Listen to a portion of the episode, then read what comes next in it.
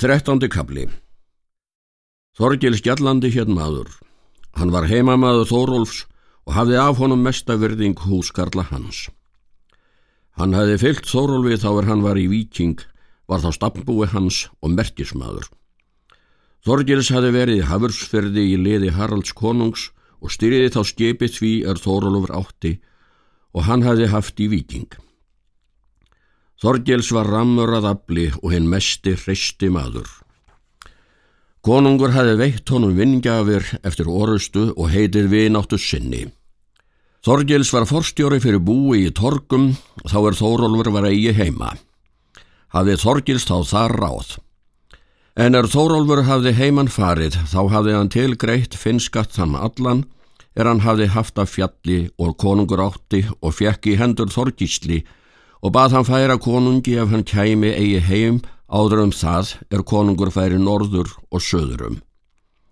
Þorgils bjó byrðing mikinn og góðan er Þórólfur átti og bar þá af skattin og hafði nær 20 mönnum, sildi söður eftir konungi og fann hann í Naumudal. En er Þorgils kom á fund konungs, þá bar hann konungi kveðji Þórólfs og sagði að hann fór þar með finnskattan er Þórólfur sendi honum.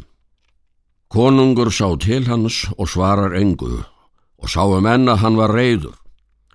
Gekk þá Þorgils á brott og ætlaði að fá betra dagar á það að tala við konung. Hann kom að funda Ölvis núfu og sagði honum allt sem farið hafði og spurði ef hann vissi nokkuð til hverju gengdi. Egi veit ekki það, sagði hann.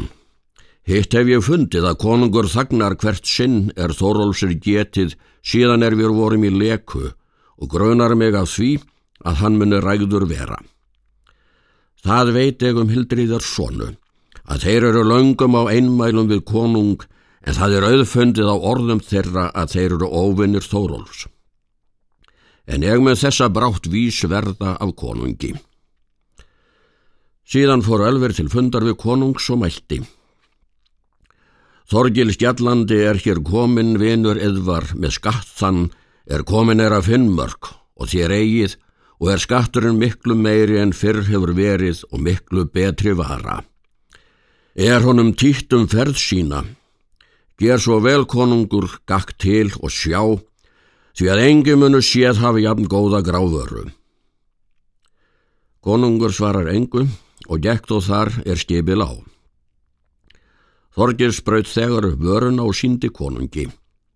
En er konungur sá að það var satt að skatturum var miklu meiri og betri en fyrr hafi verið, þá hóf honum heldur upp brún og mátti Þorgils þá tala við hann. Hann ferði konungi bjórskinn nokkur er Þórólfur sendi honum og enn fleiri dýrgreipi er hann hafi fengið á fjalli. Konungur glattist þá og spyr hvað til tíðenda hefði orðið um ferðir þeirra Þórólfs. Þorgil sagði það allt greinilega. Þá mælti konungur. Skaði mikill er það er Þórólfur skal eigi vera tryggur mér eða vilja vera banamaður minn. Þá svörðu margir er hjá voru og allir á eina lund. Sögða að vera myndi róg illra manna ef konungi væri slíkt sagt, en Þórólfur myndi ósannur að vera. Kom þá svo að konungur hverst því myndu heldur af trúa. Var konungur þá léttur í öllum ræðum við Þorgils og skilduð sáttir. En er Þorgils hitti Þórólf sagði hann honum allt sem farið hafði.